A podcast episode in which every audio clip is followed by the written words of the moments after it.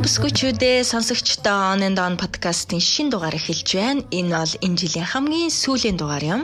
Энэ удаад бид хамтдаа сэтгэл судлаач Зол Заяатай таныг өөрөө өөрийнхөө тухай бодоход, мэдрэхэд, өөрөө өөрийгөө хайрлах тухай ярилцах болно. За сайн байцгаана On and On podcast-ийн шин дугаар үзэгч сонсогч та бүхэндээ хүрэхэд бэлэн болоод байна. За өнөөдөр бид маш онцлогтой, үнэхээр гоё энергитэй газраас та бүхэнд энэ удаагийнхаа дугаарыг хүргэж байна. Энэ бол одоо бидний сэтгэл гэдэг эргэтэн рүү өнгийж, түүнийг засаж одоо бид нарыг яаж гоё амар амгалан ад жаргалтай амьдруулах уу гэдэгт одоо хамгийн гол зөвлөгөөг өгч байдаг ийм одоо гоё өрөөнөөс яг энэ удаагийн дугаар хүрч байна. Тэгээ энэ удаагийн дугаарын зочин бол за хэрэглээний сэтгэл судлалын хүрээлэнгийн үүсгэн байгуулагч за сэтгэл зүйч зол заяа байгаа. За өдрийн мэнд хүргэе. За өдрийн мэнд. Ийм гоё өрөөнд ороод ирсэн чи бүр ингээл нэг уяраал цаанаас нэг сэтгэл мэтгэл яриад явчмаар санагдаа явчлаа. Тэгээ өнөөдөр бид хоёр хоёлаа эмгтэй хүн тэгээд подкаст манаас ерөнхийдөө бүсгүүчүүд эмгтэйчүүд одоо чиглэгдсэн байдаг учраас би гэд ярихад миний цаана дандаа маш олон дөрүүд явж идэг те одоо би бол өөрөө эмэгтэй хүн би одоо нөхөр цууцсан учраас ихнэр хүн хүүхэдтэй учраас ээж хүн тэгээ үүний хажуугаар эзэгтэй гэд. Тэгэхээр энэ олон дөрүүд дээрээ эмэгтэйчүүд бид нар одоо яаж зөв зохицолтойг нь олж хамгийн гол нь би гэдэг хувь хүнээ алдахгүйгээр ад жаргалтайгаар байх боломжтой юм бэ гэдэг энэ талаар өнөөдөр бид хоёр ярилцах гад сууж байна. Тэгэхээр хамгийн ихнийх нь эмэгтэй хүнээс эхлэх бах тий. Одоо хамгийн эхлээл насныхаа дараалал боцсон ч гэсэн бодвол эмэгтэй хүнээс эхлэх бах тийм үү? Мэдээж тий. Тэгэхээр нэг сонь тохиолдол ярил л та. Яхаарахгүй бидний яриа яг энэ сэтгэл зүйн зөвлөгөөний өрөөнөөс хүрч байгаа тий. Тэгэхээр Аа төдийлөн бас маш олон нэвтрүүлэг гэдэг юм уу юм подкастууд энэ өрөөнөөс хүрч байгаагүй. Тэгэхээр надад ч их айгүй таатай сайхан байна. Аа сая эмэгтэй хүнээс эхлэе гэдэг чинь. Тэгэхээр эмэгтэй хүн гэд ярахаар зайшгүй нэг юм эрэгтэй хүнтэй харьцуулагдчихиж яригадаад байдаг. Дандаа тэр өнцөг дээр одоо тэр байр суурин дээр маш олон судалгаанууд хийгдсэн байдаг. Тэгээ сүүлийн үеийн судалгаануудаас аваад үзэх юм бол нөгөө эмэгтэй хүн эрэгтэй хүмүүсийн ялгаа юу нэг одоо ямар байна вэ гэж маш их байна. А дээр нөгөө нэг гендерийн асуудал маш их байна тийм. Ер нь эмэгтэй хүний үүрэг амьдралд үзүүлж байгаа үүрэгрөө эрэгтэй хүнийхээс ямар байгаад тийм бие физиологийн хувьд, оюун бодлын хувьд, таны мэдхүйн хувьд, магадгүй стрессээ тайлахын хувьд ямар ялгаанууд байдгийг ингээд тийм.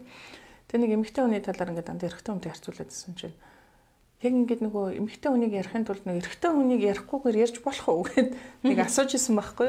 Тэр надад аюу тод үлдсэн. Тэг ингээд бодоодсэн чинь ерөөсөө нэг хоёр хүсний л хүн байгаа байхгүй юу?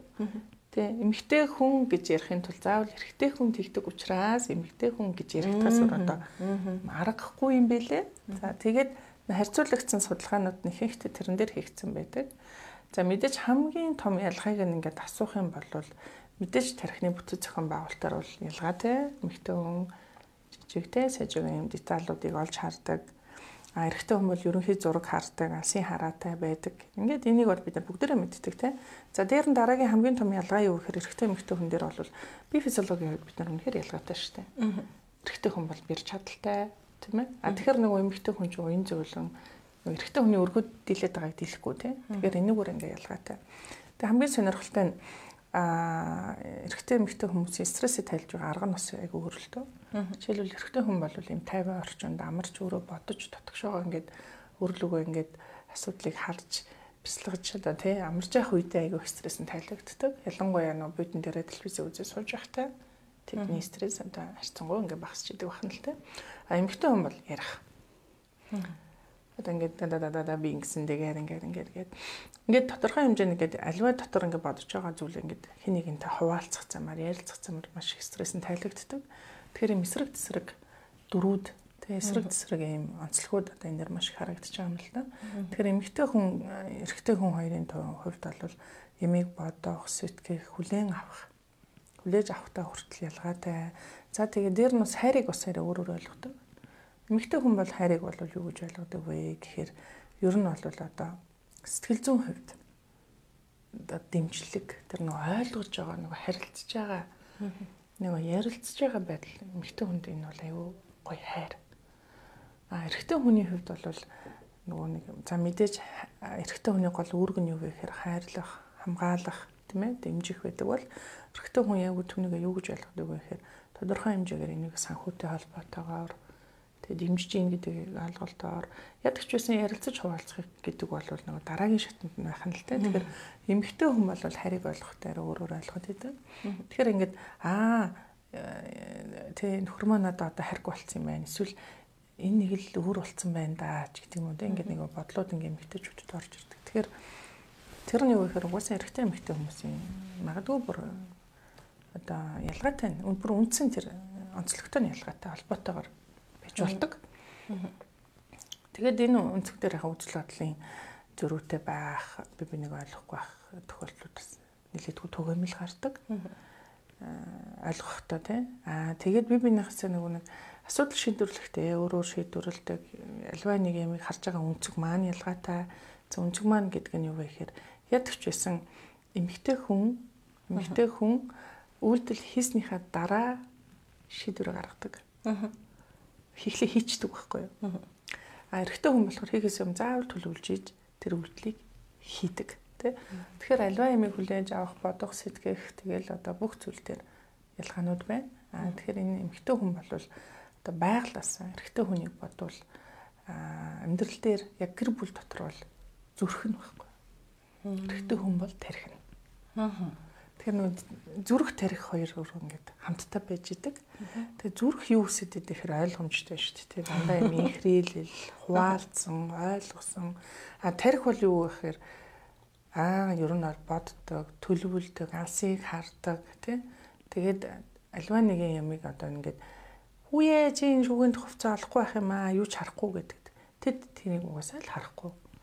Яг үл тэдний тарих чи өөрөөр ажилдаг учраас харах болцоогүй. Тэгэл өргөн хэмжээнд одоо юм бодц явж юм шүү дээ. Тэгээд бас эмэгтэй хүн гэдэг тал дээр эмэгтэй хүний одоо гол одоо илэрхийлэмж нь хэм үү дандаа тий гэр бүл дотор гэх юм уу хаач байсан тийм уян зөөлөн халуун дулаан тэр бүх зүйлийн одоо цогцсон юм уу да. За ер нь яриа нэлээд гоё. Жон жоо хоёлаа сайхан сарнаа цайгаа угаад тэгээ яриагаа өрнүүлээ гэж бодож байна. Эмэгтэй хүн гэхээр би бол одоо асуултаа хамгийн түрүүнд өөр дээрээ бодож үзэж байгаа байхгүй. За миний хувьд жишээ нь би нэг өдөр бүр нисмээр санагддаг. Маш гоё аз жаргалтай байдаг. А нөгөө өдөр нураад унжидаг. Тэгэхээр надаа энэ би эхлээд өөрийгөө боддог гэсэн. За энэ миний хувь хүнтэй холбоотой юм уу? Эсвэл ажил мэргэжилтэй одоо соёл орлог хэвлэл мэдээллийн салбарт ажиллаж байгаатай маань холбоотой юм байх гэж бодоод ингээд яваад итэл энэ бол баг миний хувь хүний одоо би бол баг сэтгэл зүйн эмгэг шахуу ойлгож эхэлж байгаа хгүй энэ өөрт айгүй дараатай. Тэгээд нөгөө нэг хоёр сэтгэлийн хөдөлгөөний зааг маш их хол байцгаар чинь ингээд нэг хүн чинь нэг дин дуу юм биш үү ойлгогдохчгүй гэрээхэндээ ч ойлгогдох. Үгүй яагаад вэ чи өчигдөр бүү аз жаргалаас өнөөдөр юу болоод ингээд бүх юм нураад унтсан юм шиг. Би бол ихэнх эмэгтэйчүүдийг бас ийм байдаг байх гэж бодоод байгаа. Энэ заагийг яаж ойртуулах вэ? Энэ хэвий юм уу эсвэл энэ эмгэг юм уу? За бүх зүйлийг бид нар ингээд болохгүй байгаа ч юм уу хэцүү байгаа зүйлийг эмгээд гэж харах нь мэдээж өрөөсгөл. Аа мэдээж магадгүй одоо нэг нэг юм тэр хэмжээнд тэр аваач чгсэн бодчихсон байх юм бол энэ маш уртуд авах цаанд дээр нь ямар нэгэн хэвийн үйл ажиллагаа тэр маань сад дотор болж байгаа бол үнийг бас за энэ бол одоо энэ асуудал энэ маань асуудал болсон байна. Үнийг өөрчлөх дараагийн нэг алхмуудыг би хийх ёстой байна гэж бол бодож болно. Аа бүх эмэгтэй хүн гэлтгүү хүн хүн өөрөө хүний өөрийнх нь сэтгэл зүй өөрөө ингээд хөгжил хөдөлгөөнд л орж ин шүү дээ. Түүнд нөлөөлж байгаа маш олон хүчин зүйлүүд байгаа. Тэр маш олон хүчин зүйлүүдэд бид нар танин мэдэх нь хамгийн чухал. Жишээлбэл би яг ямар үед миний эмоц тэ сэтгэл хөдлөл ингээд өндөрт гараад би ингээд бүх зүйл ингээд аягүй гоё гээйлгэр өнгөтэйгөр нь хараад заримдаа яагаад би бүр ингээд даам ингээд бүр унаад тий уналтанд ороод бүх юм надад дутуугүй санагдаад өдөр биш болчихдгийг тий. Тэгэхээр энэ байдал маань магадгүй бидний цаана одоо сэтгэл зүйтэй минь холбоотой. А сэтгэл зүйтэй холбоотой гэхээр бид нар бүх зүйлийг ухамсарлалтгүй шүү дээ. Бүх зүйлийг бид нар ингээд яг ухамсараараа шийдвэрлэх боломж том бага байхгүй. Тэгэхээр магадгүй түнд нөлөөлж байгаа олон мянган шалтгаан тэр шалтгаануудаа таних нь л түүнийг одоо түнд одоо өгөх хариултал дээр нь түүнийгээ зохицуулах боломж гэж дээ. Тэгэхээр ямар зүйл ямар тохиолдолд эсвэл ямар нэгэн үйлдэл үйл явц эсвэл хэн нэгэн хүн эсвэл биеинд орж байгаа өөрчлөлт нэг гормоны өөрчлөлтүүд байж болно тий а эсвэл одоо тухайн зүйлтэй холбоотой эмэгтэй хүмүүсийн хувьд тухайн зүйлтэй холбоотой ямар нэгэн хүүхэд насны дурсамжууд байж болно, өнгөрсөн түүхүүд байж болно тий. Аа тэгээд дээр нь юу гэхээр энэ сэтгэл хөдлөлөө удирдна гэдэг чинь ууг нь бол одоо юу гэдгийг аа одоо тухайн зүйлд үзүүлээд байгаа өөрийнх нь одоо ингээ гаргаад байгаа нэг хариу үйлдэлүүд аа тэгвэл түүнийг өдөөж түүнийг цааш тэндээс нь ингээд түлхэж чи яг ингээд дээ штэ ингээ ийм ийм зүйл гаргаад байна гэдгийг нь хэлж өгöd байгаа зүйл нь их ихтэй бидний сэтгэлийн бүр гүнд байдаг л та. Тэр гүний маань асуудалтай холбоотой байхгүй юу? Аа тэгээ энэ маань ингээд олон дахин давтагдаад ямар ч байсан намайг тавгүй болгоод тий. Яг төвчсэн би өөрөө түүнийг хянахыг хүсээд тэр маань миний хяналтаас гараад ах юм бол тодорхой хэмжээгээр түнд нөлөөлж байгаа учир зөв шалтгааныг олох буюу өөрийгөө анзаарч ажиглах замаар магадгүй сэтгэл зүйчдэр очиж ярилцах замаар үнийг мэдэх боломжууд байгаа. Тэгэхээр тэр заагийг ойртуулахын тулд хэрвээ одоо надад ямар нэг асуудал болоод байна да гэдгээ би мэдвэл учир шалтгаан хаана байгаа миний хүүхэд наснд юм уу өсвөр наснд юу тохиолдсон бэ гэдгийг би одоо хайж олох ёстой байх нь шүү дээ. Тэгээ тэрийг олоод мэдчихвэл засагдчихна гэсэн үг? За мэдээж эхлээд олоод танид мэдчихэ те дараагаар нь хэрвээ түнд ямар нэгэн гэмтэл учирсан байх юм бол түүнийг засаж болно. Засах засах нь сэтгэл засаж хийн те сэтгэл зүйн зөвлөгөө өгч байгаа хүмүүс хийж болно. Тэгэхээр хамгийн гол нь яг ямар зүйлээс учир шалтгаанаас болоод байна гэдгийг эхлэн ээлжинд таних те өөрөө яг аа учир шалтгааныг өөрөөр хэлбэл энийг яг юу гэж хэлдэг вэ гэхээр бодит буюу бодит бус шийдвэр гэж нэрлэдэг. Тэгэхээр нөгөө бодит биш шийдвэрүүд бодит бусаар би харах гэж хэлж байгаа юм л да. Өөрөөр хэлбэл одоо юу гэдэг нь тухайн зүйлд э, нөгөө миний сэтгэл хөдлөл ингээд зах би гутраад бай тээ. Тэгвэл тэр гутраад байгаа зүйлээ аа за би яг энэс болоод байгаа юм ингээд бодож итэл яг үнэн чанартай, үнэн хэрэгтэй түүнийг өөр зүйл шалтгаан байх юм бол энэ маань илүү бодит гэсэн үг байхгүй. Тэгэхээр та ямиг бодитоор харж гин үү? Та бодит бус эсвэл бодит үнэн зөв яг тухайн зүйл нөлөөлөд та тэгээд байна гэдгээ яг одоо ойлгоод байна уу тий хараад байна уу анзаараад байна уу гэдгээр бол бид нар харддаг л та. Тэгэхээр тийм зүйлүүд байж болно. За тэгэхээр чинь одоо ингээд айгүй том заагтай болчиход байна шүү дээ. Тэгэхээр тэр заагийг ойртуулъя гэж хичээлээ л дээ. За одоо энэ амар сэтгэл хөдлөл их баярлаад байгаагаа ер нь жоохон дарах хэрэгтэй юм байна.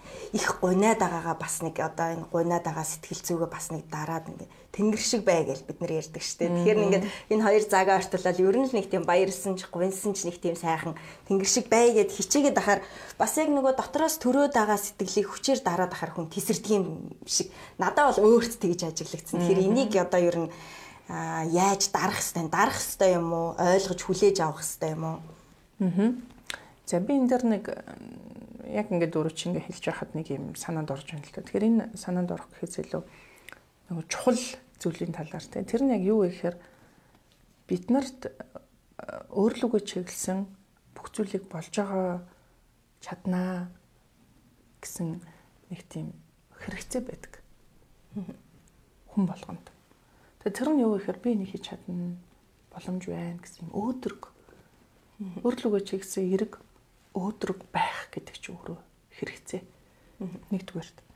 А хоёрдугаарт юу гэхээр бусад хүн намайг бүрэн дүрэн хүлээж авч ойлгох хэрэгцээ. Тэгэхээр энэ хоёр тий энэ хоёр маань а дээр нь юу гэхээр хүн өөр аюулгүй орчинд байж байгаа хэрэгтэй байхгүй. Аюулгүй тайван орчин. Тэгэхээр энэ гурван хэрэгцээний талаар бид нар боддог байх хэрэгтэй бодох гэдэг нь юу гэхээр энийг бид нар хангаж гин үү авч гин үү гэдгийг харах хэрэгтэй байхгүй. Тэгэхээр тэртээ тэргүй энэ хорвоо дээр амьдарч байгаа энэ ертөнцийн дээр амьдарч байгаа долоон тэрбум хүмүүс өөрсдөө ялгаатай шүү дээ. Өөр хоорондоо ялгаатай байхгүй.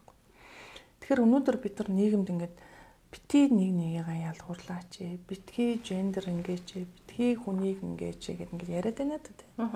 Тэгэхээр эн чинь бүр цаанаасаа энэ хүний сэтгэл зүйн хэрэгцээтэй холбоотой. Тэгэхээр би яг юу гэж хэлж байна хүн болгон хүн болгон ялгаатай хүн болгон онцлогтой хүн болгонд өөрийн гэсэн тийм хөнгө аяс тэр имийг бид нар нийгэмд нэг нэгээд хүлээгээд авах болцоо том хомс байна. Жишээлбэл одоо тий ононгийн онцлог, онон юу мөрөөддгийг юу хүсдэг, он руу чиглэж хэлж байгаа бүх зүйл эерэг, дулаан, халуун нөгөө ойлгох зүйл өөрт чинь таалагдана да. Энэ зүйл бас нэг талаараа таны тэнцвэртэй байдлыг хадгалж өгч байгаа. Тэгэхээр би ингээд хүүши оноо чи байна.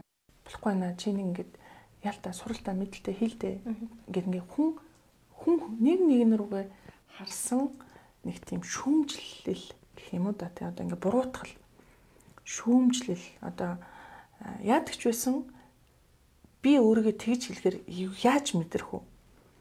Одоо би чадахгүй байгаа юм байна, би болохгүй байгаа юм байна. За ер нь би тэгнэ.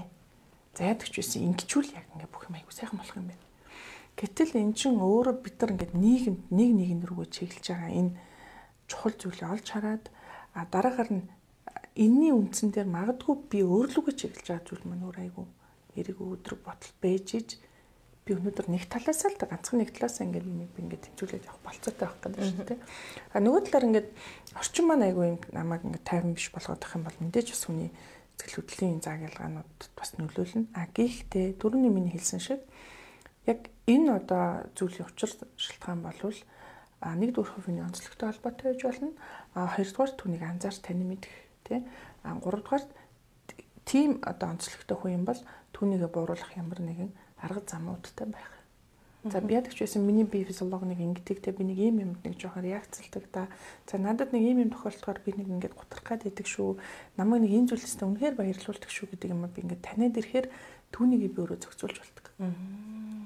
Нөгөө юу яг намайг ингээд бухимдуулаад юу намайг илүү аз жаргалтай болгоод байгааг танихгүй байх юм бол хүн тэндээ төөрөгдөд тэр зүйл надад айгу сааттай санагдаж эхэлдэг. Тэгээ бүх юм болохгүй байгаа юм шиг. Энэ нөгөө түрүүний миний хэлсэн бодит биш тийм өөр зүйл дээр үндэслсэн шийдвэр гаргалтууд явж магадгүй байхгүй юу. Тэгэхээр миний хэлэх гээд байгаа гол санаа болохоор юу гэхээр эмэгтэй хүн болгон яадаг ч байсан өөрлөгөө чиглэж байгаа, өөрийгөө үнэлж байгаа. Энэ үнэлэмж бол аа үнэхээр одоо эрэг тийм одоо өөдрөг гэдэг рүүгээ хатдаг байхаасай тий. За энэ эрэг өөдрөгийг бид нар хинээс авдаг вэ гэхээр дандаа хоёр дотныхоо гэр бүлийн хүмүүс хамгийн сайн найзуудаас авдаг байхгүй. Эмэгтэй хүн хүмүүсийн дунд ингээд сууж байгаа яриа бол яг юу байгаасаа гэхээр нэгийгээ бүрэн дүүрэн ойлгож хүлээж авч мэдэрч байгаа, мэдрэмжээ хуваалцж байгаа, тэр мэдрэмжийн дотор нэг нэгийгээ ойлгож байгаа тэр мэдрэмж байхгүй.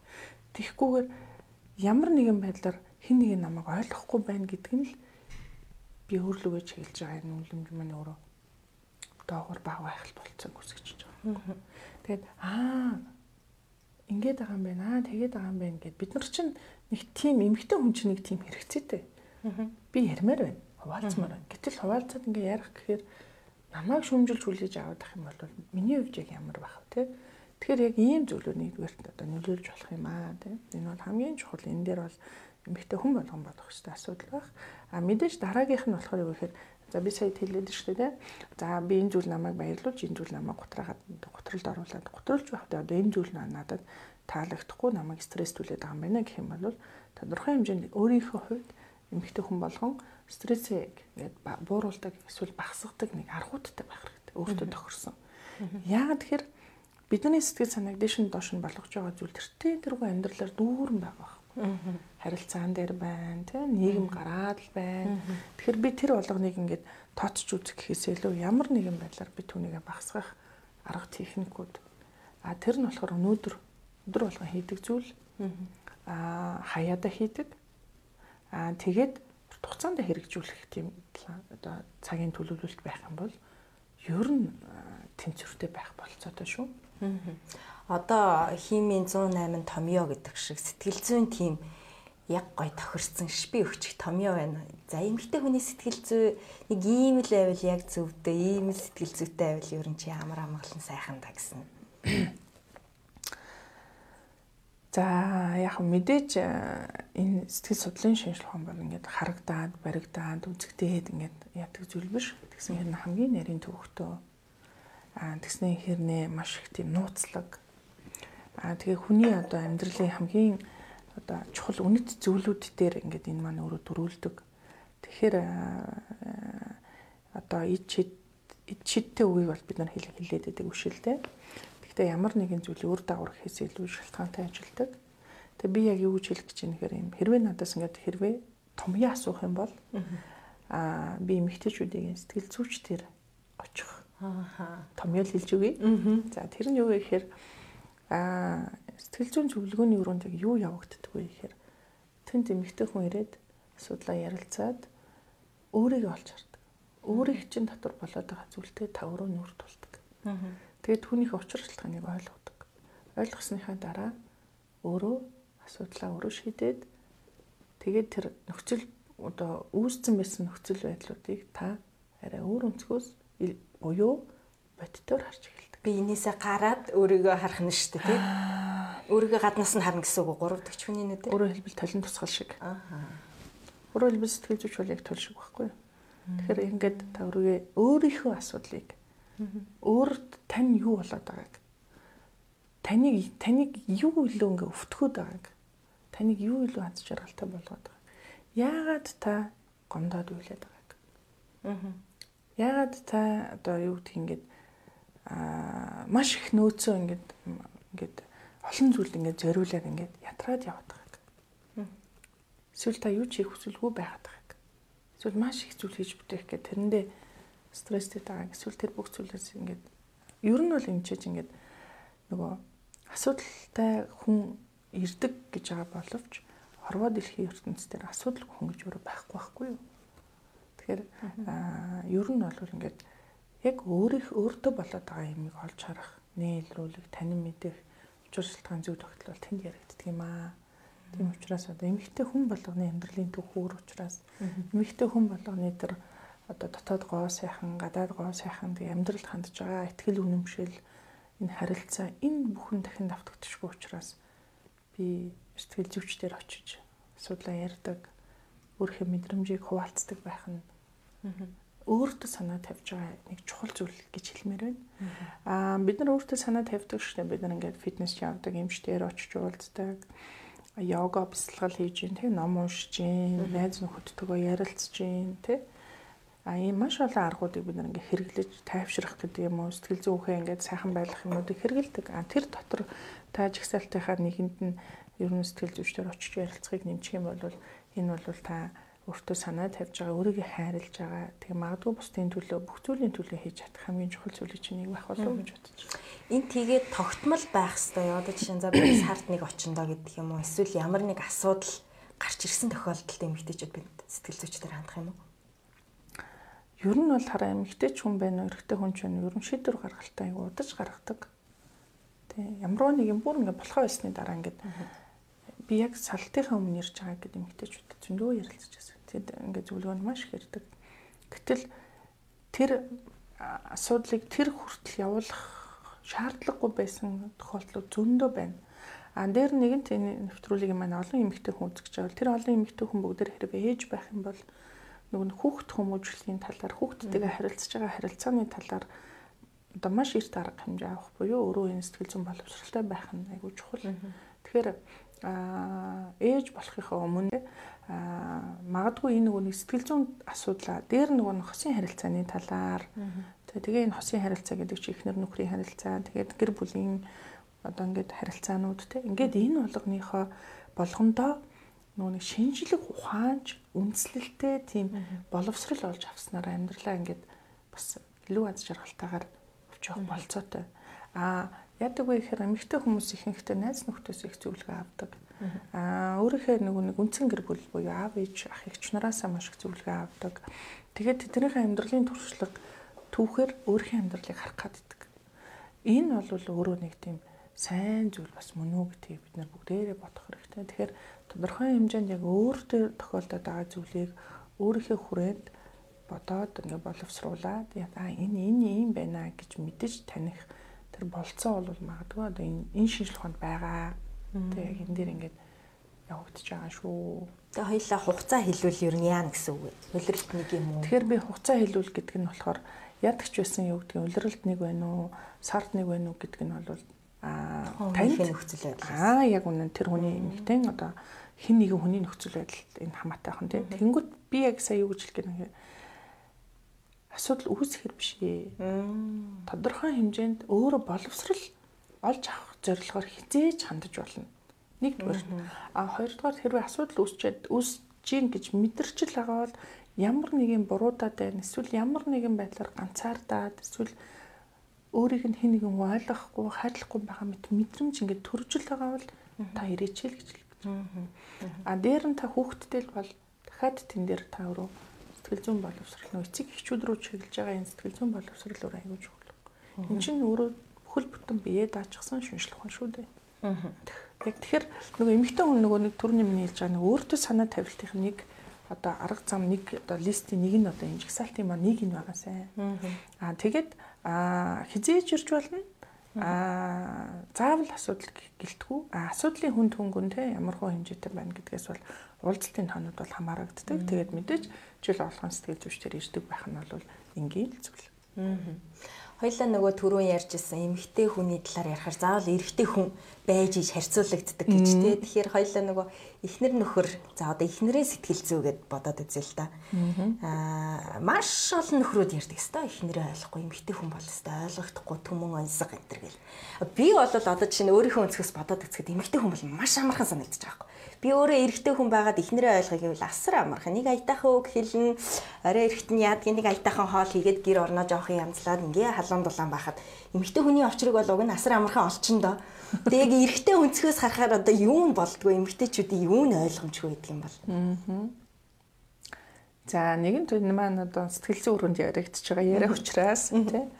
Аа энэ яг эрэгтэй эмэгтэй хүн гэхээсээ илүү хүн болгон дээр магадгүй нэг зүйл маань байдаг. Жишээлбэл юу вэ гэхээр одоо юу гэдгийг бид нар нэг юм юм байдаг.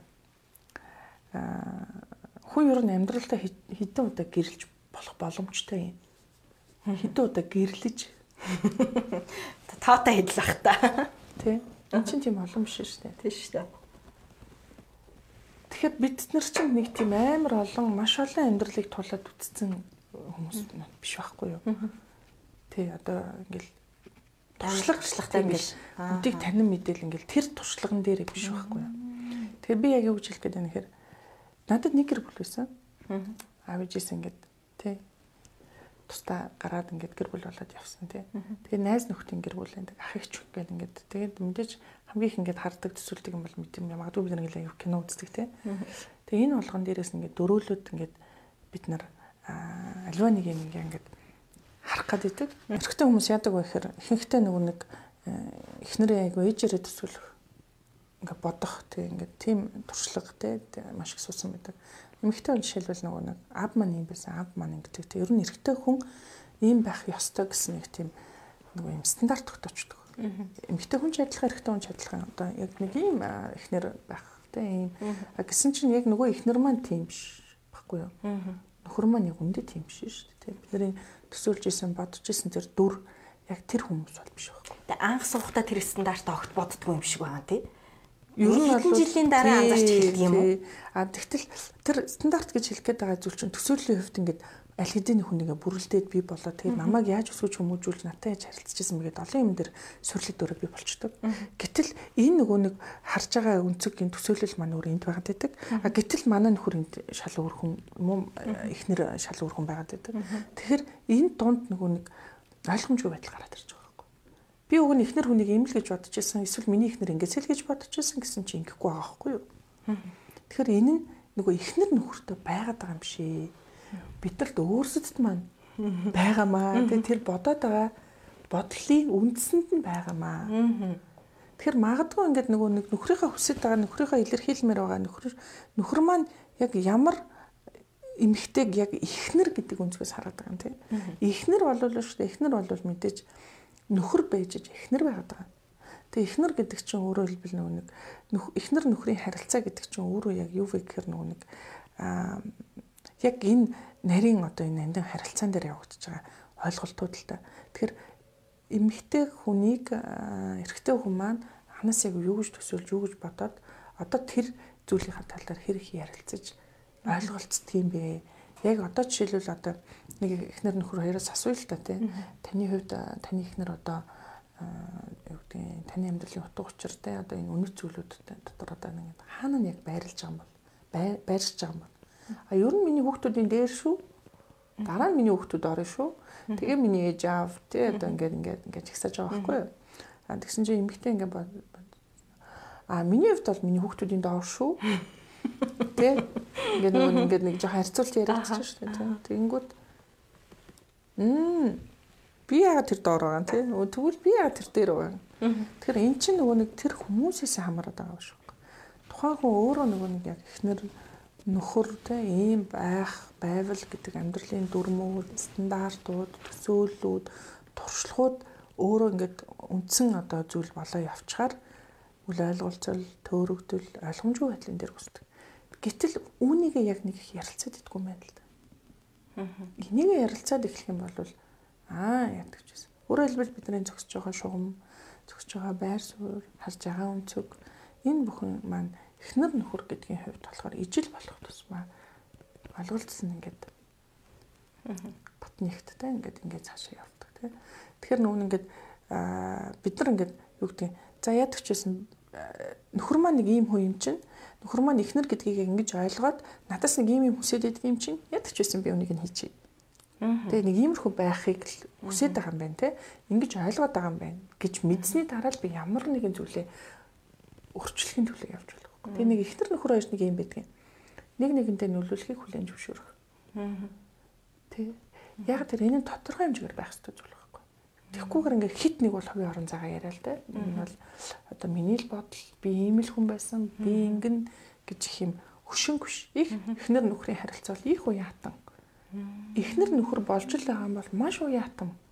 Өөрөөр хэлбэл тэр үнэт зүйл чинь тэр өмнөнд байсан бүх зүйл чинь таны эхнэр юм таны нөхөр биш учраас та өөрийнхөө тэр ихтгэл үнэмшилт маш уяатан байх нь эхнэр нөхрийн харилцаанд маш их тустай байхгүй намайг ийм байхад л суугаа эзтэй. Байгаагаар нь л уг нь хайрламарын гэж бид боддог шүү дээ. Тийм заавал өөрчлөх гээд байгаа юм бол намайг тодорхой хэмжээнд нэг э, нөгөө хүсэж байгаа хүслээ би илэрхийлснээрээ нөгөө нэг намайг нэг нэгэндээ нөлөөлөхийг хүлээн зөвшөөр гэж байгаа юм л та. Нөлөөлөх одоо нөлөөлж иж бидний гэр бүлээс оршин тогтнох байхгүй юу. Жишээлбэл магадгүй нөхрийнхээ айгүй дургу зүйлийг хийгээд байвал нөхөр гомдноо доо. Эсвэл эхнэрийнхээ айгүй дургу айгүй жоо ерөнхийдөө нэг таалдгүй зүйлийг хийгээд ахаар нийлэх.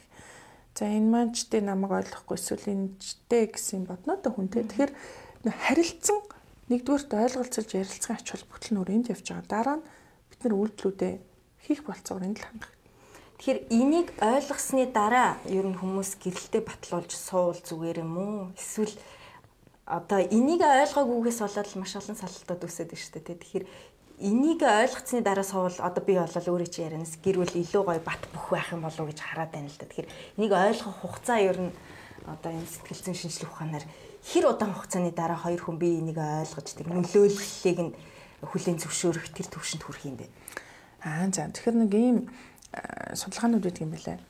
Ер нь бол дундаж гэрлэлт бол насны хувьд хамгийн тохиромжтой насыг бол 25 27 нас гээд ингээд авч үзээд байгаа. А нөгөө хит эрт гэрлэлтийн салах магадлал нь тон тон утгаараа бол бас өндөр байх гэдэг. А хит их орой гэрлэлт бол яадаг вэ гэхээр бас тодорхой өөр өөр хүчин зүйл асуудлуудыг дагуулах гэдэг юм байна л да. Тэгэхээр би юу гэж байна гэхээр тодорхой хэмжээгээр нэгийгээ таних үйл явцыг тэнд хэлж өгöd байгаа байхгүй юу. Магадгүй та 25 27 наснда ингээд гэр бүл болох нь аюу тохиромжтой юм байна. Магадгүй нэг 30 хүртэлх насыг аваад үзье л да. Тэгэхээр тэр хүртэл нэгдүгürt би өөрийгөө таних юм байна те. Хоёрдугаарт нөгөө нэг хосын харилцаа, эхнэр нөхөр байх те. Яг ингээд гэр бүл болох гэдэг юмд бид нар өөртөө суралцах. Яг одоо өөрөө хэлж байгаа зүг байхгүй юу. Энийг ингээ олгож өгснөрөө магадгүй ирээдүйд гарч болох те энэ алдаанууд энэ харилцааны асуудлуудаа шийдэх болцоо бид нарт үүсэн шүү дээ тийм. Энийг мэдэхгүй явж байгаа. А мэдэхгүй гэдэг нь юу гэхээр үндсэн гэр бүлийн амьдралын туршлага, найз нөхөд тэгээд яг өөрийнхөө иргэн тойрны ах эгчээр ингээ баримжаа авдаг. Энэ баримжаа маань ихэнхдээ зөв үнэн зөв гэсэн үг биш байхгүй юу? Амьдрал ийм л байна гэсэн үг биш байхгүй юу? Манай аав хэлж байгаа учраас энэ үнэн, манай ээж л хэлж байгаа учраас үнэн. Тэгвэл аав ээж маань тэр үг өгүүлбэрийг өөрсдийн амьдралын туршлагаас л хэлж байгаа шүү Тийм ээ. Тэгэхээр би энд яг юу гэж энэ болгон чи өөрөө өнөөдөр шинжлэх ухаанд үндэслэгдээ шинжлэх ухаанд цэвэрлэгдээд тодорхой магадлал яриад тийм тодорхой хэмжээний судалгаа яриад ийм байвал айгүй оновчтой ийм байвал гэдэг дээр зөвхөн та хоёрын харилцаа хизээж дахин давтагдчихгүй маа гэдгийг л ойлгуулах. Тэгээ энийг л ойлгож танин мэдснээрээ ирээдүйд гарч болох олон одоо эрсдлийг бид нар хамтдаа давамд болж чадна. Тэгэхээр хувь хүн рүү илүү чиглэж байгаа асуудал би ингээд ойлголцохгүй байна гэдэг нь надад нэг одоо үнэмш ихтгэл үнэмшил байна шүү дээ. Аа нөхөр бол юм байх хэрэгтэй гэдэг ингээд стандарт юм уу хил хязгаараа ингээд тогтоочдөг. Гэтэл нөхөр нь хаанаж үтгэн тий. Эсвэл ихнэр бол нэг юм л байх хэвээр. Гэсэн чинь нөгөө нэг тэр хэлхээс гараа стандартаас нь мэдээж зүрхнэ. Энэ бол бүр мэдээж асуудал. Энэ энийг ингээд ойлголцохгүй болоод ирэнгүүтээ за бид нар өн тохирохгүй юм юм гэдэг үйлбэр тэндээс гараад ирсэн. Ер нь яг тохирохгүй хүмүүс гэж байдаг юм уу? Мэдээж байхгүй. Байхгүй юу? Одоо ордны хувьд ч тэр заашийн хувьд ч тэр одоо ер нь оо ястай тохирохгүй байсан биш та бид нар бие биенээсээ болж бие биенийхээ өвтгдөг юм биш бас биш л те бидний одоо өөрсдийн маань амьдралын түүх амьдралыг үтсэн үзэл бидний одоо туулж өнгөрүүлсэн хүүхэд нас те бидний хин бид нар хайрлагдчихсэн бидний авсан мэдрэмжүүд байхгүй энэ болгон чинь намайг бүтээсэн учраас би тэр зүйлээрээ баримжаалж тэр зүйлээгээл бодож ингээд алхам хийж байгаа те. Гэтэл энэ маань хаа нэгтэй газар хэрэг өвдсөн, гэмтсэн, зовсон, тэг шаналсан эсвэл хэцүү байсан бол бид нар нөгөө нэг ухамсаргүйгээр тий одоо энэ амьдарч байгаа амьдралдаа хин нэгнээсээ тэр зүйлийг хүсэж эхэлдэг. Хайр яг бодтоор хайрлаад тахад илүү намайг ойлгооч, илүү намайг хайрлаж гэж бодож ирдэг. Тэгэхээр эн чинь өөрөө юу гэхээр эн чинь тэр эхнэр юм уу тэр нөхөр хайрлахгүй байгаад байгаа биш байхгүй.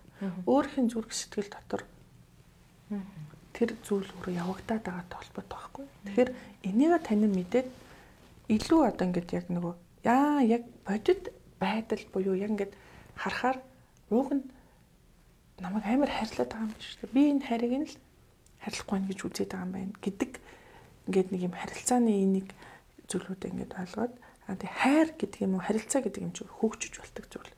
Бас маш хөөрчлөгддөг зүйл байхгүй. Ерөөсөө динамик. Энд чинь одоо жишээл 3 жилийн, 5 жилийн, 11 жилийн кризис буюу хямралууд те гэр бүлд. Аа тэгээд эмэгтэй хүний одоо цэвэршилт болоод ирэх үеийн кризис хямрал 40 насны хямрал те. За тэгээд нөгөө юу гэдгийг настай холбоотой тэгэл одоо би физиологт орж байгаа өөрчлөлттэй холбоотой гормонтой өөрчлөлт холбоотой ингээд маш олон өөрчлөлтүүдийг дагаад сэтгэл санаа бас л түүнийг дагаад ингээд хөдөлгөөнд л байж идэг. Тэгтээ хүнд ч гэсэн явагдчихлээ гэдэг шүү дээ тий. Тэгэхээр аа нэгдүгээрт миний онцлог юм байна. Хоёрдугаарт миний сэтгэл зүйн тий одоо хүүхд түүхтэй одоо энэ нөхцөл байдал юм байна. Тэгэхээр бид нар дандаа нөгөө болж байгаа болохгүй байгаа зүйлийг хэн нэгнтэй хамаатуулж биш. Яг миний хувьд би яг одоо яг хин юм бэ? Миний хувьд би надад юу мэдрэгдээд би өөрийнхөө өдөр тутам гаргаж байгаа шийдвэр гаргалтаа гаргалтанд маань яг юу нөлөөлөд байна гэдгээ таних их чухал. Одоо сая хоёлоо 3 жил, 5 жил, 7 жил гээл би бас энийг сонсч ирсэн л та. Тэгээд энэ тоог яаж гаргаж байгаа юм бол гэдгийг бүр гайхаад идэх байхгүй. Одоо 3 жилийн криз, 7 жилийн криз яг тэнд юу болдог болохоор ингээд ийм нийтлэг тоонууд гарч ирээд байна. Аа зөв зөв. Тэгэхээр нэг юм байгаа сэтгэл судлалын гэр бүлийн сэтгэл судлалын одоо эцэг гэх юм уу те Виржиниа Сатир гэсэн эрдэмтэн байна. Тэр эрдэмтэн маань болохоор юу гэхээр маш олон жилийн судалгаа, туршил одоо эн чинь нэг маш олон соёлоодын амьдарч байгаа гэр бүлүүдийг харуулж байгаа л да энэ бол те. Тэгээд ингээд дэлхийд дахинд хийгдэж байгаа энэ олон мянган судалгаануудаас юу вэ гэхээр ерөнхийдөө бол эхний 5 жил аа тэгээд 10 жил 15 жил гэсэн юм гурван гэр бүлийн үеийг бол гаргасан байгаа юм л да. Тэгээд тэрэн дээр юу гэхээр эхний 5 жилийг бол юу гэж үзэж байна гэхээр нөгөө нэг нэгнийхээ нөгөө нэг төсөөлөл дээр авчирсан маш хамгийн романтик. Тэгээ нэг нэгэндээ одоо хайрна одоо гүнжин хатнан тий одоо хамгийн одоо ханхүүн цагаан морьтой ханхүүн байх нь шүү дээ. Тэгээ энэ үед бол би бинийгаа таних буюу би бинийгаа илүү мэдэх болцоо бол бага л да. Ягаад тэгэхээр тэр нөгөө нэг романтик үе дээрээ явж байгаа байхгүй За ингээд тэгээд 10 жил дээр очихоор яадаг вэхээр энэ байдал маань угаасаа өөрөө ингээд багасна. Дандаа хүн ингээд насан туршаа романтик байх болцоо байгаа шүү дээ. Тэгэхээр ингээд би бинийгаа илүү таниад ямар зүйлд ямар хариулт гаргаад ямар зүйл дуртай дургу мэддэг мэддэггүй яг уг хүн өөрөө юм бэ гэдгийг таниад эхэлж байгаа цаг хугацаа бол 10 жил дээр гарч ирдэг. Гэсэн чинь маш олон судалгаа хийгдсэн чинь айлын ерөнхийдөө бол нэг 2 3 дахь хүүхдүүд энэ хугацаанд гардаг юм байна л да. За дээр нь юу гэхээр 10 жилийн 10 дахь жил дээр болохоор ингээ гинт бодож эхэлт юм байна л да. Тэр хавцаа штэ тийм. Үе би яг буруу үнтэй суудсан юм болов? Эсвэл би ингэж бодоогүй шүү дээ. Чи юм хүн биш юм шүү дээ. Тэ өө ямар сони юм бэ ч гэдэг юм. Харилцан би бинийхээ ингээд төсөөлөх хандлага одоо би болж байгаа. Тэгэхээр энэ нь юу гэхээр жинхэнэ бодит одоо минут баггүй юу? Би яг хин бэ?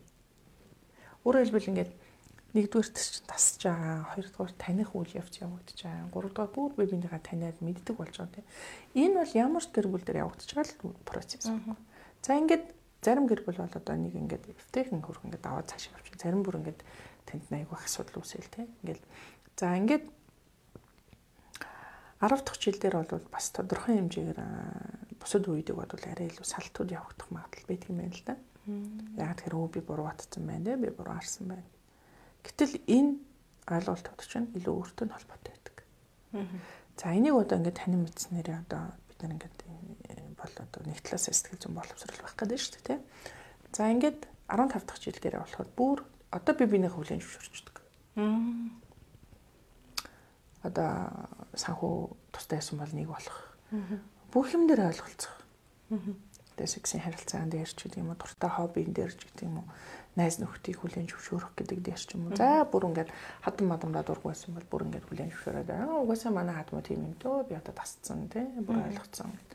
Ингээд 15 жилийн дараах бол салалт гэхээсээ илүү юм бат бөх харилцаа одоо тийм үүсдэг.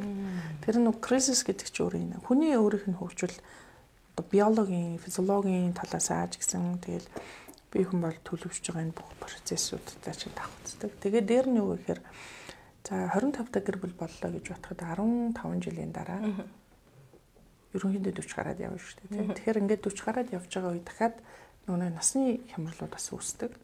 Тэгээ энэ насны хямралууд болж байгаа үед саяны харилцаан дээр ойлголцол нэг болж чадах юм бол үнийг хамтдаа давтуулж чаддаг. Аа мэдээж чадахгүй байгаа тохиолдолд ихэнхдээ нөгөө нэг хууралтууд явагдаж. Нэг бол архин донтох эсвэл хуурах Аа эсвэл дандаа буруу шийдвэр гаргалтууд юм дээр явагдах гэдэг. Энийг бид нар ингээд анзаарч харах хэрэгтэй. Ястай зөв хүнтэйгээ учирчээ эсвэл ястай буруу хүнтэйгээ учирчээ гэдгийг ер нь тестлж мэдэх арга байдаг юм уу? анда ихнэр нөхөр хоёр за бид хоёр чинь нэг энэ энийг ойлголцчихдаг. За нэг сарда 2 3 удаа муудалцчихдаг ч гэдэг юм. Одоо ерөнхийдөө тийм амьдралынхаа статистикуудыг харж байгаад ер нь тийм тестлэх боломж бий юу? гэр бүлийн чанарыг тодорхойлдог тест гэж бол байгаа. Оо за. Жишээлбэл эхнэр нөхөр хоёулаа бөгөлдөг. Тэгээд ерөнхийдөө нөгөө нэг хүүхэд асарч хүмүүжүүлэх тал дээр, сексийн харилцаан дээр, нэг нэгийг ойлгох тал дээр, үүргийн хувьд ч гэсэн нэг юм нөгөө ойлголтууд нэг байна уу гэдгийг юм тодорхойлдог тест бол байдаг байхгүй. Ингээд ойлголтын зөрүүнүүд ингээ хол байхаар ингээд маргаан үсэлэн шүү дээ. Аа хүүхдийг асарч хүмүүжүүлэх нь зөвхөн ээжийн үүрэг гэсэн чинь эхнэр болохоор энэ бол хамтын үүрэг гэл ингээд байх юм бол энэ ч зөрөлдөд нь шүү дээ. Аа тэгээд юу гэдгийг одоо би бинийхээ энэ хувийн э, одоо орон зай хил хязгаарч хэтэрхийх нэвтрэл ингээл ядагч байсан ингээд зөвхөн чи ил одоо ийм байх ёстой гэл ингээл дүрм гаргаал тэр зүр дүрм зааврынхаа дагуу хин нэг нэг байлга байлгах гал ингээл оролдоол хичээгээл энэ болгонд өөрөө өвдөж өөрөө одоо зовх үндэс болно л доо. Тэгэхээр Амьдралын чанарыг тодорхойлдог тест байдаг. Энэ тестийг ихнэр нөхөр хоёулаа бүгддэг. Хоёулаа бүгснийхаа дараа бүх 10 үзүүлэлт байдаг. Энэ 10 үзүүлэлт одоо суучаад хэдцэх хичээл дээр ер нь бөглүүл зээж бөглж болно. Оо тийм үү. Тэгээд аа ер нь сэтгэл зүйн боловсрал гэдэг чинь бидний амьдралын нөгөө дэлгүүр ороод талах автагтай адилхан зүйл байхгүй юу? Тэгэхээр та хэзээ талах ах уу гэд тэгвэл нөгөө өдөр болгоны мань хэрэгцээ болчиход байгаа байхгүй юу? Тэ? Тэгэхээр нөгөө би ингээд сардаа нэг удаа гоо сайхны дэлгүүр ороод гоо сайхныхаа бүтээгдэхүүнийг авдаг гэдэг шиг бас байж болно юм чинь тэ. Эсвэл өдөр болгоны чи амьдралын нэг нэгэн хэсэг хэрэгцээ болцсон зүйлээ гэж тэ хэлмээр байгаа байхгүй? Аа тэгээд би түрүүн хэлээд байгаа эмэгтэйчүүд өөртөө санаа тавих тал дээр бол энэ хамгийн чухал зүйл шүү тий. Өөрийгөө хайрлаарай, өөртөө санаа тавиарай тий. Өөрийн санаа тавилт ингээд чухал шүү тий. Тэгээд яадаг ч байсан ингээд нөгөө саяны энэ миний түрүүний тестэн дээр ярихад нэг 10 үзүүлэлт байгаа. Тэгээд тэр 10 үзүүлэлт нь бүр ингээ хуваар илэрхийлэгддэг. Гэтэл одоо юу гэдгийг гэр бүлүүд ингээд ирэхээр ингээд асуудалтай байгаа юм л да. Тэг ингээд энэ тестэнд орохоор бэлгийн буюу нөгөө секси харилцаа нэг өвтөх ингээд тараад байгаа баг. Тэгсэн чинь нөгөө үзүүлэлтүүд нь байх. Тэгсэн чинь ямар үзүүлэлт нэг болох юм. Яг нөгөө хүүхэд рүү харж байгаа те хүүхдээ асарч одоо гэр бүлийн үүргийн хувьд болохоор эхнэр нөхөр хоёр амар зөрүүтэй яг тэрэн дээр маргалддаг хоёр байсан байгаа байхгүй. Тэгээ яасан бэ гэдгсэн чинь манай эхнэр ингээд хүүхдүүдэд ороход ингээд ажилд орсон ажил хийгээд байгаа. Би нэст аяйгуу дургу байгаа. Чинь ээж хүн болчиход юмч болохгүй сте гэсэн чинь. Чи би яс хүн юм байгаа сте. Тэ ингэж юу яриад байгаа чи хүний ирэх зөрч чинь мөрч чинь гэх ингээд. Хоёлаа энэ дээр аяйгуу маргаад ирчихсэн. Тэгээд яг энэ ойлголтын зүрүү чинь жижиг юм шиг хэрнэ. Бас л амьдрал дээр асуудал дагуулж хэлдэг. Асуудал харилцаан дээр тэ. Аа ер нь бол би юу гэж хэлэх гэж юм хэрэг үнэхээр одоо ямар нэгэн зүйлийг батлах гэж юм уу эсвэл шалгаж үзэх гэж эсвэл яг үнэхээр энэ ингэж байгаа юм байна гэж харж байгаа зүйлээ тестлж харж болно. Батлуу баталгаатай болгож а ихэнхдээ гэр бүлийн харилцаан дээр ингээд зөвлөгөө авахар ирж байгаа хосууд бол асуудлыг ингээд ярилцаар ингээд тодорхойлоход бол их боломжтой харагддаг л да. Аа. Тийм. Ер нь нэг тестлээд үзчихмээр юм биш үү? Ер нь тестэнд орж болно, ярилцлаганд орж болно, зөвлөгөөнд ирж болно, тий. Тэгээд түрүү асуусан хизээ ягуу тохиромжтой вэ гэхээр бүр эрт тусмаа сайн.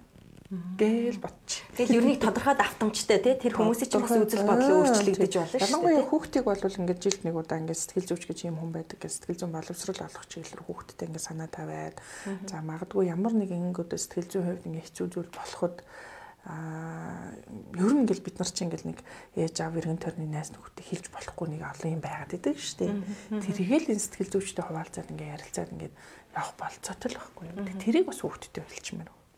Тэгээд ер нь бол дараа дараа гэж хойш тавихгүй зүйл маань энэ л та. Жишээлбэл бид нар ингээд нөгөө нэг жилд нэг удаа одоо нэг шинжилгээнд ордог бай гэж сүүлийн үед одоо хэрэгдэж шүү дээ тийм. Аа юу гэдэг одоо нэг эмнэлгийн одоо эмчилгээ ингээд нэг жилдээ нэг хамрагдчихээ тий. За яадагч байсан нэг хүн нэг дасгал хөдөлгөөн хийх нь эрүүл мэндэд чухал одоо эрүүл хоол идэм мэдээ гэдэг гата чи яа гэжлэх нэг л шугам дээр байгаа зүйл болж тарах гэдэг юм л да.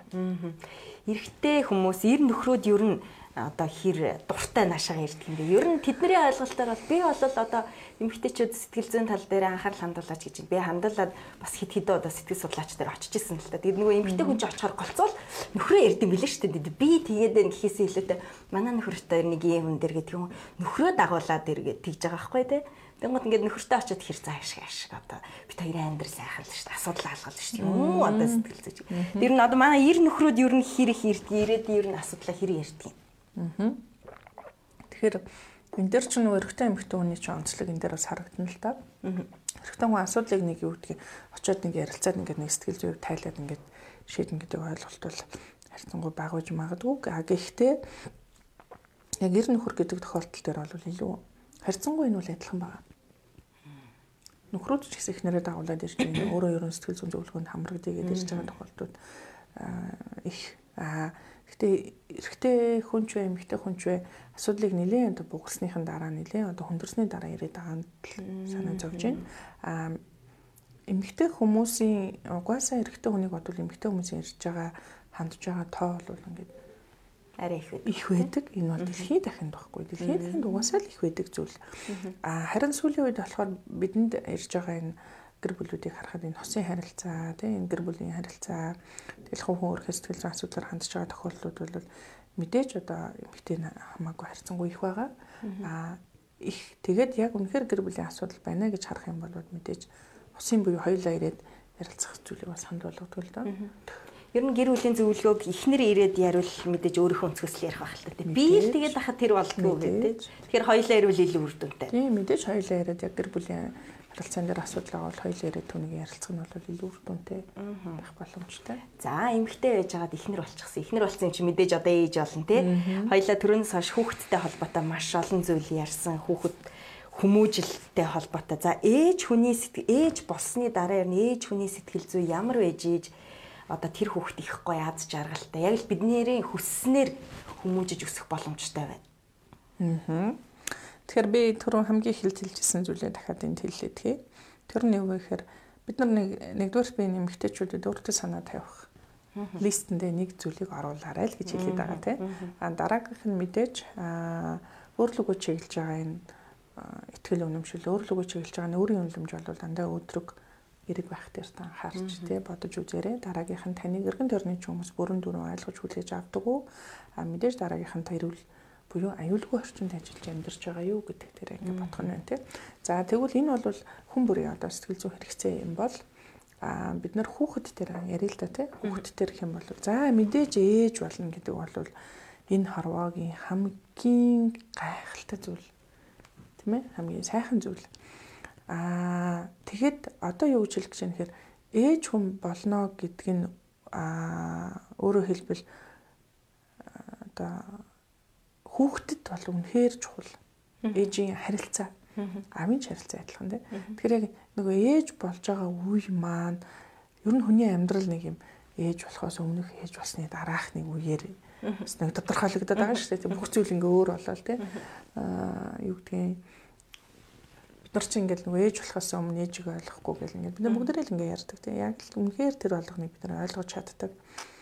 Тэгэхээр ээж хүн бол яг юу вэ гэхээр хүүхдийн хувьд болохоор хайрлсан, хамгаалсан, тий халуун дулаан тэр мэдрэмжийг өгсөн. Тэгээд ерөөсөө л нэг тийм яг одоо юу гэдэг ээж ээжээс маш их зүйл шалтгаалдаг хамаардаг. Бас ээж тэр хэмжээгээр хүүхдийн ирээдүйд хэм байх вэ гэдэгт нөлөөлдөг.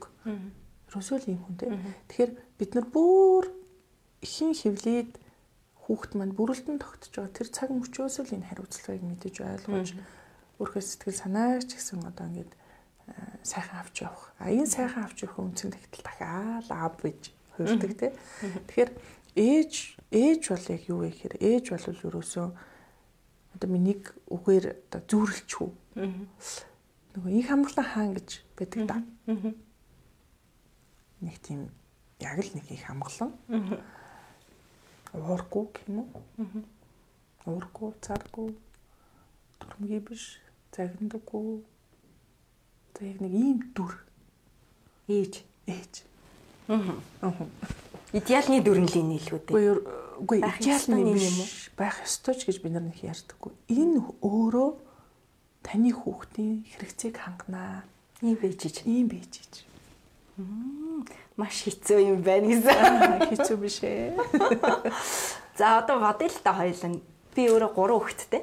Одоо том хүү маань өсвөр насны дээр явж байна нүдэн дээр буруу юм хийгээд тийм үү? Нүдэн дээр буруу тишээ яваад байгаа тэр хүнд одоо бид нар бол эцэг их хүмүүс бол хүүхдэд дандаа сайн сайхныг хүсэж шүү дээ. Тэгэхээр одоо өөрийн чинь саяны хэлсэн уурлахгүй, зарлахгүй, яан гэлээ загнахгүй, зэмлэхгүй. За тэгээ нүдэн дээр тэгэхэд байгаа хүүхдэд одоо жишээ нь яаж харилцаа? Харьлаад л ах хэвээр юм уу? Тэр хүүхдийн чинь ертөнц ялгаатай нэг юм тийм өөр гэх юм уу да. Бид нар ингээд нөгөө нэг бүх зүйлийг хайрлж гин гэж ойлгодог. Аа магадгүй энэ миний хүүхэд гэж ойлгодог. Тэгээд амьдрал ийм байх ёстой гэдэг дүрмтэй байдаг. Тэгээ яг энэ болгоныг ингээд орхичий гэд ингээд авааичи. Тэгвэл тэнд дэндүү ийм одоо энэ уурлуулад байгаа гэдэг энэ уурыг үүсгэхэд байгаа хүчин зүйл нь магадгүй миний хүүгийн миний охины өсвөр насны хүүхдийн дотоод сэтгэл зүйн одоо асуудлын одоо шалтгаан биш байхгүй юу? Миний хүүхэд болохгүй болоод би хүүхэд болохгүй байгаад ердөө биш. Ерөөсөө энэ би юу гэж гэж юм хэрэг тэр харилцааны гэдэг юм уу тэр уур бухимдлын тэр болохгүй байх гэж харж агаад байгаа болохоос биш болохгүй байгаа зүйл байдаггүй маа. Тэр хараад байгаа ээжэд асуудал байна гэсэн үг үү? Үгүй асуудал гэж юусоо битгий хай тий. Заавал тэгэх ёстой биш. Тэгэхээр юу вэ гэхээр ээжэд асуудал байх юм биш. Эн чинь харилцааны арга барилуд байхгүй. Зүгээр л нөгөө хайраа илэрхийлэхдээ л би яагаад ч мэдгүй загинчаанд энэ эсвэл би зөхиод авчаад шүү дээ тий. Энийг хүүхд маань хайр гэж ойлгох уу? Ойлгохгүй. Би ирээдүг нь бодож хэлж байгаа тий. Би гэтэл хүүхэд хизээч энэ ээж маань миний ирээдүг бодоод тий миний сайн сайхны төлөө намайг хайрлаа гэдэг нэг ухамсарыг бол ойлгох байх ээж минь надад хайртай та хайрлаж байгаа. Гэхдээ нэг яг тэр мэдрэмж нэг ямар байх вэ? Гэхдээ чи ер нь ингээд дандаа ингээд муухай заваа хувцалж явах ингээд гой цэвэрхэн яваач гэхээр ээж минь надад хайртай та миний ирээдүйд санаа зов. Энэ юуроос ингээд агуу гой хайр гэж мэдэрч гин үү? Мэдэрхгүй байхгүй юу? Тэгэхээр би энд яг ухамсарлаж ойлгохын тухайд биш илүү би мэдрэмжийн тухайд яриад байгаа. Та яг хүүхэдтэй өсвөр насны хүүхэдтэй хэдэн настай ч байна уу? Хүүхэдтэй та ямар мэдрэмж өгöd байгаа хүн бэ? Мэдрэмж гэдэг нь ерөөсөө намайг ойлгож гин, хайрлж гин, хамгаалж гин, дэмжиж гин гэхгүй юу? Тэгэхээр яг ийм сэтгэл зүйдээр ингээд дөрүүлээд ингээд босоод ирж байгаа хүүхдийн хувьд яг юу харагдах вэ гэхээр тэнд өөрийн үнэлэмж өөрийгөө өөдрөгөр өөрийгөө чадна болно бүтээн тэг хүүхдэд маш их нөөц байдаг тэр нөөцөө одоо хүүхэд ч өөрөө ашиглах байхгүй юу? Таны заавраар биш. Хүүе хичээлээ хийсэн үү хийгээрээ хүүе тэгээрээ хүүе ингээрээ биш байхгүй тэр чинь өөр аяанд 13 наснаас хойш 16 7 наснаас хойш. Тэр нөгөө нэг тэр хүүхдийн хүүхдийн маань үзэл бодол, итгэл үнэмшил, амьдрал руу харах бүх зүйл дэндүү байгаас явагддаг.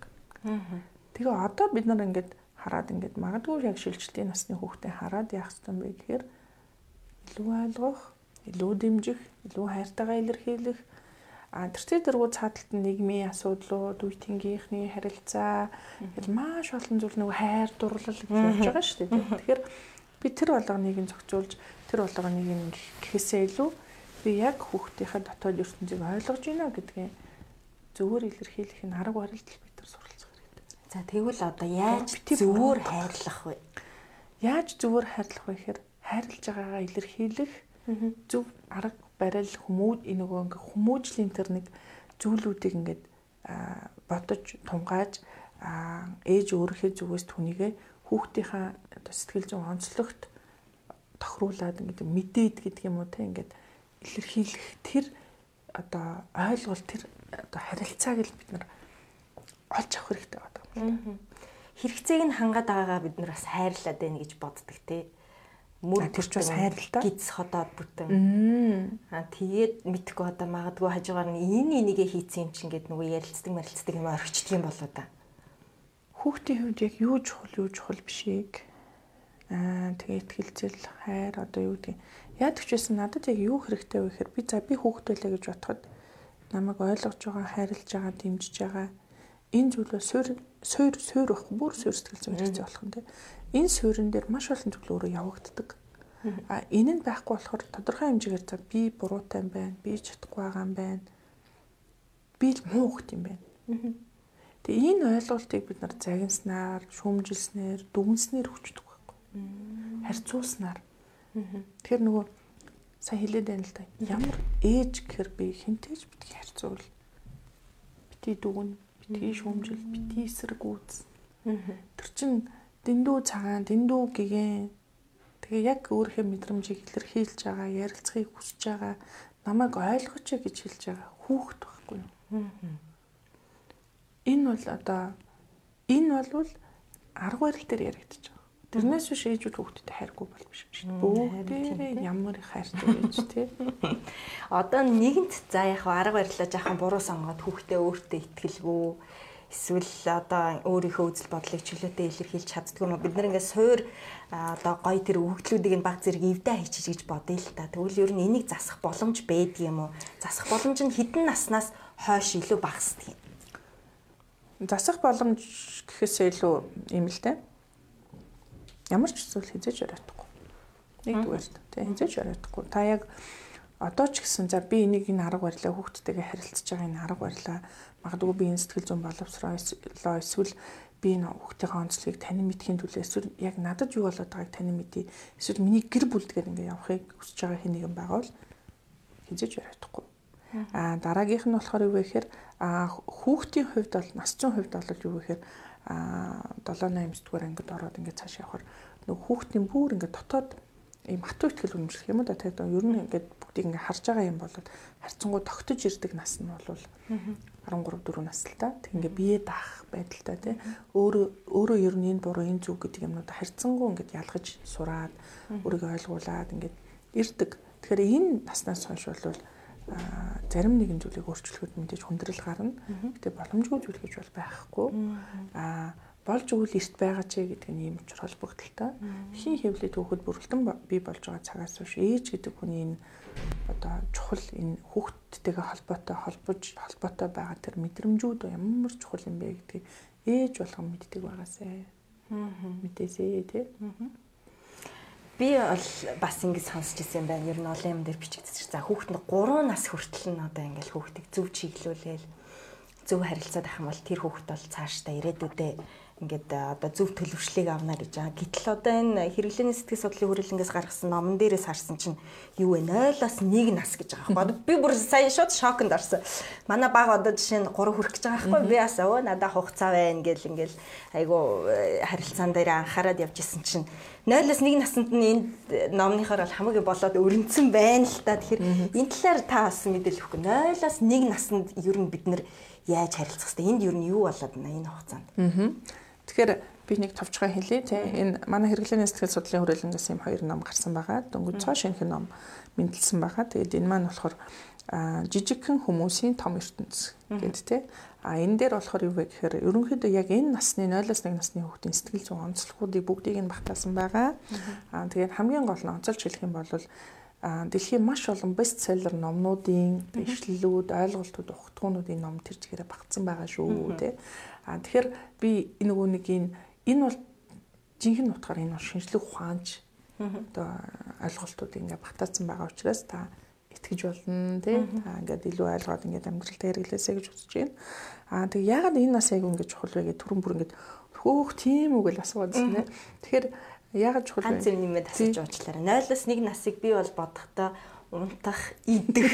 За өсрэл тэр хооронд чинь мөлхөөд одоо алхаж сурааг байгаа үе гэж ойлгож байгаа хгүй юу? Тэр нөгөө сэтгэлзөө, мэтгэлзөө. Аха тэгээ шоконд ороод байна. Аха яг үнэ. Би ад жаргалтай авэж ад жаргалтай хүүхэд гэдэг энэ үгэн дээр бас хэлчмээр байна л да. Бүх зүйл одоо эргээд бид нар хүүхд маань илүү олон цагаар унтж байгаа тэгээ юу ч мэдрэхгүй байгаа ойлгохгүй гэж бодож болох юм те гэтэл үгүй маа те одоо нөгөө нэг сэтгэл хөдлөлийнх нь мэдрэмжтэй ингээд ойлголт ингээд итгэлцэл бүр итгэх гэдэг зүйл энэ насанд бий болдог. Ингээ хорвоо дэлхийн ертөнцид хин нэгэнд итгэх гэдэг нөгөө хөгжлийн үеэрээ тийм байхгүй тийм хамгийн чухал нөгөө нэг цаг хугацаанд ингээд явж байгаа. Тэгэхээр энэ ном бол үнэхээр одоо ээж болгонд маш чухал тий. Жишээлбэл би энэ дээр ингээд нэг жишээ авъя л та. Энэ маань өөрөөр хэлбэл айгуу чухал чухал ойлголтуудыг багтаацсан тий. Тэгээд 6 бүлэгтэй та. Тэгэхээр дүнгэж төрсэн хүүхэд юу мэдэрдэг вэ гэдгийг та энэ номоос харж байна. Маш их зүйлийг мэдэрнэ. Тэр чинь мэдрээд байгаа гэсэн. Бидний нүдэнд юу ч харагдахгүй тий. Тэгэхээр энэ өөрөө айгу чухал та. Тэгээд ерөнхийдөө бол таны мэдхүн хөгжүүл, харилцааны хөгжүүл, түр асууж ирсэн сэтгэл хөдлөлийн нэг ингээд яаж энийг ингээд энэ чи энэ настай холбоотой Оо за. Тэгэхээр энэ дээр хараа би энэ дээр хүүхдийн хувийн онцлог, харилцааны хөгжүүл, сэтгэл хөдлөл, таны мэдгүй бие махбод энэ бүх юмний доктортой хөгжөхийн үе нь энэ байхгүй. Жишээлбэл ингээд. За нөгөөх нь болохоор ингээд нэгэн тийм нэвтрүүлэг маань ээжүүдэд хүрч байгаа юм чинь сайн эцэг их бах тийм ч хэцүү биш гэсэн чи хэцүү штэ гэх. Тэр энэ нөгөө 0-1 наснд нь хэрвээ санаа тавьчих юм бол хэрвээ магадгүй яг энэ одоо зөвлөмжүүдийн дагуу гэдэг юм эсвэл одоо түрүүний миний хэлээдсэн зүйлүүдийг илүү ээж яг энэ үед илүү тайван, тогтвортой а үнэхээр энэ хүүхдтэйгээ холбоотой байгаа энэ нарийн гүнзгий холбоосон дээр маш сайн анхаарад өөрийн тань сэтгэл хөдлөл өөрийн тань энэ сэтгэл зүйн байдал бол таны хүүхд рүү дандаа дамжиж идэг учраас илүү их нээжтэй бас холбоотой л доо. Тэгээ хүүхд маань зөвхөн унтах идэх хэрэгцээгээ хангах биш. Ирээдүйд хэн байх вэ гэдгийг одоо үндэс бол энд тавигдчихдаг юм аа. Тэгэхээр эцэг эхчүүд одоо өөртөө ярьж чадахгүй байгаа тийм мэдээж бол сонсоод ойлгож байгаа. За тэр хүүхдтэйгээ яаж харилцах вэ? Би бол бодож байна. Нэг настай байхад би хүүхдээ юу гэж боддог байсан бэ гэхээр за цатгалан байгаа болоо тий хамарсан дүүрээгүй болоо за нэг ийм ирмэгтэй юм хум очоод мөрөгчхөгээл илүүтэй аюулгүй байдал за тэгэл нэг өстө гид цатгалан байдлыг нь анхаарч ирснээс биш одоо бодохын ер нь сэтгэл зүй тал руу нэг их бодож байгаагүй юм байна. За магадгүй яг харанхууд айчих бах гэдэг нэг тэг бор халдсан толоо молоо зурдаг байсан баг. Тэгэхээр одоо юу гэдгийг бид нар ингээд төрсний дараа ээжүүд маань ялангуяа залуу анхныхаа хүүхдийг гаргаж байгаа ээжүүд маань тодорхой хэмжээгээр нөгөө нэг төрсний дараа хямрал гэдэг даван тулах шаардлага үүсдэг. Гэтэл энэ энэ нь хөгжлийн хувьд хүүхдэд маш чухал үе байдаг учраас төрсний дараа хямралаа ээжүүд яаж зохицуулах вэ те? Ийм дандаа юм арга аргачлал зөвлөмжүүд те? Яг ийм ийм байснараа энийг ингээд зохицуулах боломжтой юм а те? Яг яаж харилцах вэ гэхээр саяны хэлж ин л та те? Мэдээ саяных шиг ингээд өсөж байгаа лу аюулгүй байгаа энэ төр байгаа. Гэхдээ өөрийн тань одоо сэтгэл зүйн байдал сэтгэл санаа бол ямар ихээр нөлөөлдөг дээр нь хүүхдийн тэр үед яг эцэгхийн харилцаж байгаа харилцаа ямар чухал вэ те? Жишээлбэл магадгүй энд бичсэн байна л да. Яг нэг ээнэгшил гэж бид нар их яриад байгаа. Ээнэгшил гэдэг нь тэр нэг тийм э, ээж хүүхэд хоёрын нарийн тэр нандин одоо холбоог хэлээд байгаа юм да гэж одоо монгол хэлэнд буулгаад байгаа л да энэ шүлгээд. Тэгээд энэ ээнэгшлийн харилцаа нь ирээдүйн бүх зүйлийг нь бас дахиад суйруулж байгаа. Тэгээ ингээд бодохоор энэ дэр бүх талаараа ингээд 0-1 настай хүүхдүүдтэйгээ хэрхэн яаж харилцах вэ гэдэг бүр алхамжлаад нэг бүрчлэн зааж өгсөн. Ийм гайхалтай номуудад түрэн гарсан байгаа. За За том хүмүүсийн хувьд бол ойлгомжтой бид нар сэтгэл зүйчдэр ирээд ах юм байна. Хоёлаа сая хүүхдүүдийг айгүйх ярьлаа шүү дээ. Хүүхдүүдийг хідэн наснаас нь ер нь дагуулж ирэх ёстой вэ? Дагуулж гэдэг нь хамгийн багада хамгийн багада 2 нас. Ааха хэл дорол авчрах нь шүү дээ тийм үү? За авчирч болно. Би нэг телевизээр үзчихсэн юм. За би тэрэг шүү дээ ям боловсрал телевиз байсан. Лөө ямар телевиз байлаа да Швед билүү Европын нэг улс оронд байдаг юм хүүхд хөгжлийн төв харсан байхгүй юу. Тэгээ ерөнхийдөө бол манай байгууллага, манай хэрэглээний сэтгэл судлалын хүрэл ер нь тийш ингэ хараад явж байгаа. Яг дээр ямар ч үед асуудал тохиолдлоо болохгүй байх болж ийн гэсэн үедээ та хэдэн настай ч байсан ингэ ирж болох байхгүй юу. Аа яг бид нар ингээд явандаа одоо ингээд тийм тийм үйлчлэгийг ингээд бүр ирээдүйдээ ингээд нэвтрүүлээд бүр үнэхээр тийм болохын сан гэсэн тийм зорилготойгоор бас ажиллаж байгаа. А тэр нь юу вэ гэхээр нөгөө нэг ингээд одоо жишээлбэл манад ингээд хүүхдтэйгээ ирэнгүүт хүүхдийг нь хинэг харж ягаад ээж өөрөө сэтгэл зүйчтэй ярилцдаг. Хүүхдтэй хамт байж байхдаа ч гэсэн ярилцдаг. Орчин нөхцөл бас хэрэгтэй болж байна л да. Тэгэхээр яг энийг одоо үнэхээр бүрдүүлмээр байгаа байхгүй. Тэгэхээр хизэнээс авчрах вэ гэхээр яг ингээд нөгөө нэг гэр бүл төлөвлөлт тий за тэгээ хүүхдтэй болох гэж байгаа тэр дүнгиж тэр мэдсэн цагаас хойш л энэ бүх зүйлтэйг ингээд ойрхон байгаад өөрөө ойлгоод ингээ уншиж мэдээд ингээ явах юм бол маш боломжтой. А бид нар яадаг вэ гэхээр нүг мэдээж ном зохиол уншихаас ингээ мэдээллүүд маш маш олон төрлийн номнууд байгаа шүү дээ. Одоо одоо үеийн үнэхээр гоёлцсон. Уншиж мэдэж болж байна тий. А тэгээд яадаг вэ гэхээр нүг хин нэгэн хүмүүс ингээ нүг туршлагаар их баримжаа авах гэдэг арай багсгаад дандаа ингээ ярилцдаг тий. Өө яг төрөө тэгдэг шүү ингэдэг шүү ингээд ингээ ингээ хөөгдөж ингэдэг байхгүй гэдгээр биш тодорхой хэмжээний шилхуунд үндэслэгдсэн тийм чиг баримжаагаар өөрийнхөө одоо төсөөллийг баримжаалаад ингээд туршлагагүй байгаа бол тэрийг ингээд туршлага болгож хараасай гэж хүсэж байна. Аа тэгээд ер нь бол манай хүрээлэнд бол 2 наснаас дээш хүүхдүүд бол хүрэлцэн ирж ирэх болцоогоор хангах. Хүүхдүүдийн асуудлаа ярьдаг юм уу? Хүүхэд асуудлаа ярих гэхээсээ илүү тэр насны хүүхдүүдийн одоо хөгжлийн эцэг их нь олж харж чадахгүй байгаа. Хөгжлийн үзүүлэлтүүдийг нь бид нар тодорхойлоод зөвлөгөө өгнө. Дараагаар нь юу гэхээр мэдээч одоо юу гэдгийг эцэг их тэр тийм насны хүүхдтэйгээ яаж харилцах вэ гэдэг талын зөвлөгөө нь. Тэрэн дээр л бид нар ингээд нөгөө нэг тодорхой хэмжээгээр ингээд нөгөө хугацаа алдаад ингээд хожимдчихвол юм болвол ирээдүйд гарах эрсдлүүд нь өндөр болчихно л доо. Нэг өдөр л хүүхдэд таних альчдаг шүү дээ. Би миний төрүүлсэн хүүхэд гэлтэй. Тэгэхээр тийм юм байгаа. Өөрөөр хэлбэл одоо яг илүү бага багт нь бид нар яаж харилцах вэ гэдэг тал руу баггүй. За тэгэхээр бит хоёрын ярилцлага ерөнхийдөө өндөрлөх төхөж байна. Аа сүүлд нэг юм асуумар санагдчихэв. Аа сэтгэл зүйн хувьд эрүүл хүн гэж ер нь ямар хүнийг хэлэх вэ? За энэ дээр хятадын эрдэмтэн нэг юм саарл өнгөний онол гэж гаргасан байсан. Би энэ дээр тайлбарлаж илүү ойлгомжтой юм уу? Аа ерөнхийдөө ингээд нөгөө нэг 100 хүн байна гэд бодё бүгдээрээ тий 100 хүн. Тэгвэл тэр 100 хүний нийгэмд одоо судалгаа хийгээд үтсэн чинь ерөнхийдөө 20% нь бол нэг эрүүл байх гэд. Өөрөө таны сайн хэлж байгаа шиг нэг цаа эрүүл байх. Аа тэгсэн чинь дахиад нэг 60% нь. Ерөнхийдөө тодорхой хэмжээний нэг нийгмийн буюу ингээд хүн болгонд тохиолдож болох тийм асуудлуудтай хүн болгон гэдэг нь стресстэй ч юм уу харилцаа марилцаа гэл ингээд дахиад энд нэг 20% нь болохоор ер нь бол ингээд нийгмээс нийгмийн харилцаанаас бие биенийхээ харилцаанаас энэ магадгүй ямар нэгэн хүч хэрхийлэл дарамтаас ингээд гимтэл авч болдго юм байна л да. Тэгээд яасан бэ гэхээр тэр нөгөө нэг сая миний хэлээд байгаа энэ альч нийгэмд тодорхой хэмжээгээр ер нь бол нийт хүн амынх нь одоо дундчтай харьцуулж үзэх юм бол 20% нь бол үнэхээр одоо заавал сэтгэл зүйчдэр очих шаардлагагүй хүмүүс байдаг. Тэр нь бол ерөнхийдөө тодорхой хэмжээгээр ийм хувийг эзэлдэг. Гэтэл зайлшгүй одоо сэтгэл зүйчдэр очих шаардлагатай хүмүүсийн тоглолт заасч өгсөн байдаг. Аа тэгээд дээр нэмээд хэлэхэд мэдээж асуудалгүй тодорхой хэмжээнд бүх зүйлээ тэнцвэржүүлээд тодорхой хэмжээнд ингээд амьдраад явж байгаа амьдралууд зөндөө харин нийгмийн зүгээс ирж байгаа энэ олон нөхцөл байдал энэ зүйлүүдийн харилцаанаас бол гэмтэж байгаа хүмүүсийн тоос чамгүй их. А бүр одоо бүр ингээд бүр өвчин өвчлөөд гэмтээд одоо магадгүй мэдрэлийн юм сэтгэл засалчийн үйлчлэгээ шаардлагатай хүмүүс нөхөн тоо бол харьцангуй бага л да.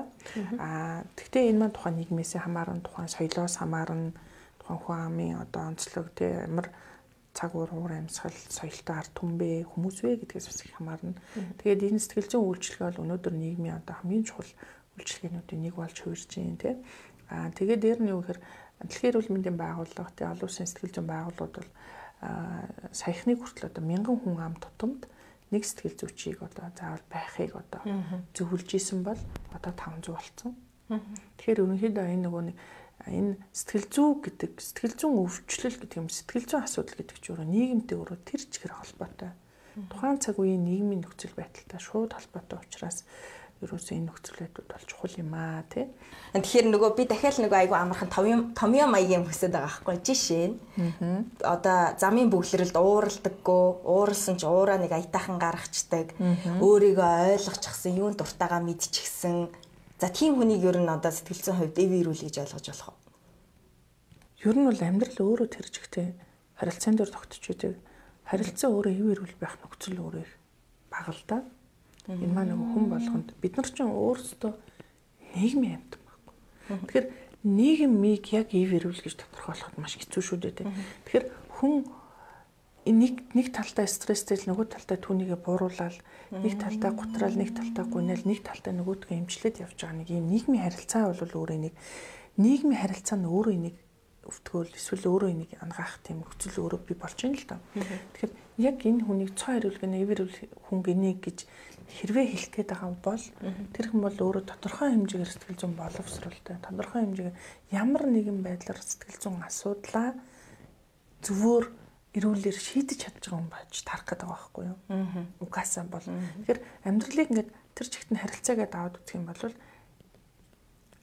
угаасаа л амьдрал өөр асуудлаар дүүрэн байхгүй юу. Тэгэхээр энэ дүүрэн байгаа асуудлыг би яаж тэнцвэржүүлж яаж шийдэж ямар арга техник арга барил хэрэглээд байгаа хүмбэ гэдэг рүү нь харна. Энэ зөв анханасаа төрөөд энэ хүн бол эрүүл юм байна. Энэ хүн бол анханасаа ингээд эрүүлвш болсон юм байна биш. Тэгэхээр хүн болгонд асуудал байгаа. Тэгвэл тэр асуудлыг ямар өнцгөөс харж ийн, ямар шийдэл олж ийн, ямар арга барилаар явж ийн гэдэг нь одоо тэр нөхцөл байдалд их чухал.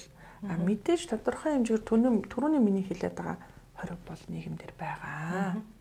Бүх хүн өвдсөн бүх юм гэж бас болохгүй нэ. Асуудлаа шийдэж чадахгүй байгаа төрлийн хүмүүс нь бол бас жаахан сэтгэл зүйн хувьд асуудалтай байгаа юм байна гэж өөрийгөө дүгнэх нь шүү дээ. Зөв. Бүх хүнд байгаа. Бүх хүнд байгаа. Бүх хүнд байхад би яадаг ч байсан тодорхой хэмжээгээр бүх хүнд байгаа юм а би тодорхой хэмжээд би зүгээр ганцхан шахад за би ерөөс ингэж юу гэдгийг одоо засанд яваад байдаг юм уу тоглоод байдаг юм уу гүүгээд яддаг ч үсэн өөрийгөө ингээд нэг релаксд болуулаад ингээд тэнцвэртэй байлгаж чаддаг хүн гэх юм бол тэр хүн заав сэтгэл зүйчдэр очих. Шаардлага үндэ багасч байгаа байхгүй. Гэтэл хүн яадаг вэ гэхээр намайг өвтгөөд байгаа намайг зовоогоод байгаа шалтгааныхаа мөн чанарыг тухайн шалтгаанаа төдийлөн яг зөв олж чадах дээр л сэтгэл зүйчийн тусалцаа яригддаг. Тэгэхээр би яг нөгөө асуудал та болчоод байна гэхээсээ илүү тухайн асуудлыг үүсгэж байгаа шалтгаан руугаа харахын тулд би тэнд ирдэг. Тэгэхээр ер нь бол энэ хүн ивэрүүл энэ хүн одоо э, сэтгцийн өвчтөй эсвэл асуудалтай гэж тодорхойлох нь хүн өөрөө өөрийнхөө хувьд яаж альваад хандж байна гэдгээс ихээхэн хамаарна. Тэгэхээр ерөнхийдөө сэтгэл зүйн боловсрол гэдэг нь ер нь бол бидний амьдралын нэгэн хэсэг энэ нийгмийн үйлчилгээний нэгэн чухал зүйл нь харахгүй мөн болж хөрж байгаа. Тэгэхээр та асуудалтай байна асуудалгүй байна уу гэхээс өөртөө тодорхой хэмжээгээр энэ боловсролыг олж авсныхаа дараагаар та за яг үнэхээр би энд одоо очих те эсвэл ярилцах эсвэл энийг хийх нь зөв юм байна гэт. Сэтгэл зүйн боловсролыг маш олон замаар авч болно. Сургууль тренинг байж болно, лекц байж болно, ном уншихаар, нэгэнтэй хуваалцахаар байж болно. Эсвэл шууд сэтгэл зүйн зөвлөгөөнд ирэхээр байж болно л доо. Тэгэхээр ер нь бол яг энэ ойлголтыг бол багтааж байгаа. Аа би ер нь бол болоод байгаа да. Би ч ер нь өөрийгөө ингээд өөдрөгөр хардаг. Бусдыг нэг шөмжлөөл харьцуулаад загнаал, түрэмгийлэл, уурлаад хин нэгэнд юм аюул санал хийлэл байхгүй байх шүү гэвэл Өө болж байна. Боломжинд нь орох нэ тий. Орж болох юм аа гэх. Нэвтрүүлгийн маань уламжилт хоёр асуулт. За сүүлчийн асуулт руугаа орё хоёлаа. За нэгтгэн өнөөдөр одоо нийгэм яг биднээс шаардаад байна л да. Ингээд маш амжилттай байхыг те өчигдрөөсөө чи өнөөдөр дандаа илүү бай. Амжилтанд хүр, аз жаргалын төлөө тэмүүл нэг ч секунд битгий зогс гэл. Тэгэхээр ингээд нэг талаараа энэ бол ингээд хүнийг сэтэлжүүлээд байгаа юм шиг боловч нөгөө талдаа бас дарамтанд оруулаад байгаа аахгүй юу? Тэгэхээр энийг чинь бас ингээ болчиж болохгүй те ингээ нийгэмтэйгээ хөл нийлүүл алахын тулд хүн амжилт. Тэгэхээр энийг яаж нэг аятайхан аз жаргалтай амар амгалангаар хэрнээ бас нэг амжилттай байчих гэдэг шүү дээ те. Ийм ер нь боломж бий юу? Би өөрөө одоо ингээд яг ингээд сэтгэл зүйч хүний хувьд юу гэж харж байна гэхээр аа хүн яг хүсэж байгаа зүйлээ амьдралынхаа нөгөө зориг болгож байгаа зүйл маань миний амьдралын утга учир байгаад тэр амьдралынхаа зориг болгож байгаа зүйл хүн үйлдэл гаргадаг үйлдэлүүд гаргадаг. Тэгсэн чинь энэ хүнийг ингээд дотоод бас нэг хөтлөж байгаа тэр агуу их хүч бол а хүний нөгөө сэтгэл зүйн хувьд хинбэ сэтгэл зүйн хувьд яг ямар хүн бэ гэдгийг нь гэдэгтэй нийлүү холбоотой л доо. Жишээл би яагаад яагаад амжилтын төлөө тэмүүлээд яагаад надад энэ чухал байгаа юм бэ гэдгийг хүн өөрөөсөө дандаа асуудаг байх хэрэгтэй. Яг яагаад Яагаад би манлайлагч байхыг, яагаад би илүү мөнгөтэй байхыг илүүд үзээд байгаа юм. Яагаад надад энэ их чухал юм. Тэ? Тэр нь хин нэгэнтэй өөрийгөө харьцуулж тэгж байгаа бол алдаатай байж болох юм. Тийм ээ? А эсвэл ямар нэгэн зүйлийг нөхөх гэж явж байгаа бол алдаатай байж болох юм. Болох юм шүү дээ, тийм. А яагаад таны хувьд таны шийдвэр гаргалтууд дундаас тэр зүйл онцгойроод чухал байгаад та а тухайн зүйлд өөрийгөө бүрэн дүүрэн зориулаад энэ бол миний амжилт би энийг урах шалхаад явна гэж бодож байгаа юм бэ гэдэг бодлогын шалтгааныг хүн болгон хараасай. Энэ өөр хамгийн чухал. Энэний утга учир нь юу юм? Энэний шалтгаан нь яг юу юм? Яагаад тэгэхээр би ингэж бодож байгаа юм л да. Ер нь хүнийг юу яг стресс дүүлдэг вэ гэхээр утга учиргүй хэрэггүй зүйлүүд биднийг маш их стресс дүүлдэг. Тэгэхээр энэ утга учиртай амьдралын зорилго болгож байгаа Тэгээ түүнийхээ мөн чанарыг өөрөө ойлгож танин мэдээд явж байгаа. Энэ амьдрал хамгийн аз жаргалтай. Тэрнээс ч масыг дагаалаа за амжилттай л ах хэвээр байна. Англи хэлэл сурах хэвээр байна. Тэгэхээр стресстэй юм шүү дээ тий. Таны хувьд яг мөн чанараараа таны хувьд ямар ч утга учиргүй зүйл бүхэн таныг стресстүүлж байгааг би л ойлгох. Тэгэхээр утга учиртай зүйл чинь тэртээ тэргүй таныг стресстүүлнэ. Тэгээд тэр чинь утга учиртай зүйлийнхаа төлөө та тэмцэн. Тэгээд амжилтанд хүрч байгаа хэнийг нь байж болно шүү дээ. Гэтэл тэр таны зүтгээд байгаа, мэрийгээд байгаа, ингээ урагшлаад байгаа зүйл ямар ч утга учир байхгүй, дээр нь ямар зориг байхгүй. Дээр нь түүнийхээ учир шалтгаан мөнийг одоо үнцийг мэдэхгүй болвол та стресстэй л өөрийгөө хүчнөөцийг шал хэрэггүй зүйл зарцуулаад тусна. Тэгэхээр энэ бол илүү хувь хүнтэй холбоотой байна. Өөрлөгөө нийтийг дагах биш өөрлөгөө л өөрлөгөө өнгөж хар. Энэ хамгийн чухал. Яг ингэж өнгөж харж чадсан амьдралын чанар их өндөр тэр амьдрал аз жаргалтай тэр амьдралыг амьдралаас та ямар их зүйлийг олж авах гэж. Яг гэвэл хүн дуусшгүй нөөцтэй юм байна. Тэгэхээр энэ дуусшгүй тийм дундэршгүй сэтгэл зүрхийг уур болгож гаргах шаардлага алга тийм ээ. Хэрэг бүх зүйл зориулах хэрэг алга. Хэрэгтэй удаг учиртай зүйл, зоригтой зүйл рүү тэгээд нь тэр хийж байгаа зүйлээсээ бид нар чинь сэтгэл ханамж авах гэж амьдардаг хүмүүс шүү дээ. Тэгээ хоорондоо хамтарч бас. Энэ амьдралын утга учрууд бол их чухал юм аа гэж бодчих. За баярлалаа. Ер нь барыг тамьяага олоод авчлаа. Аха.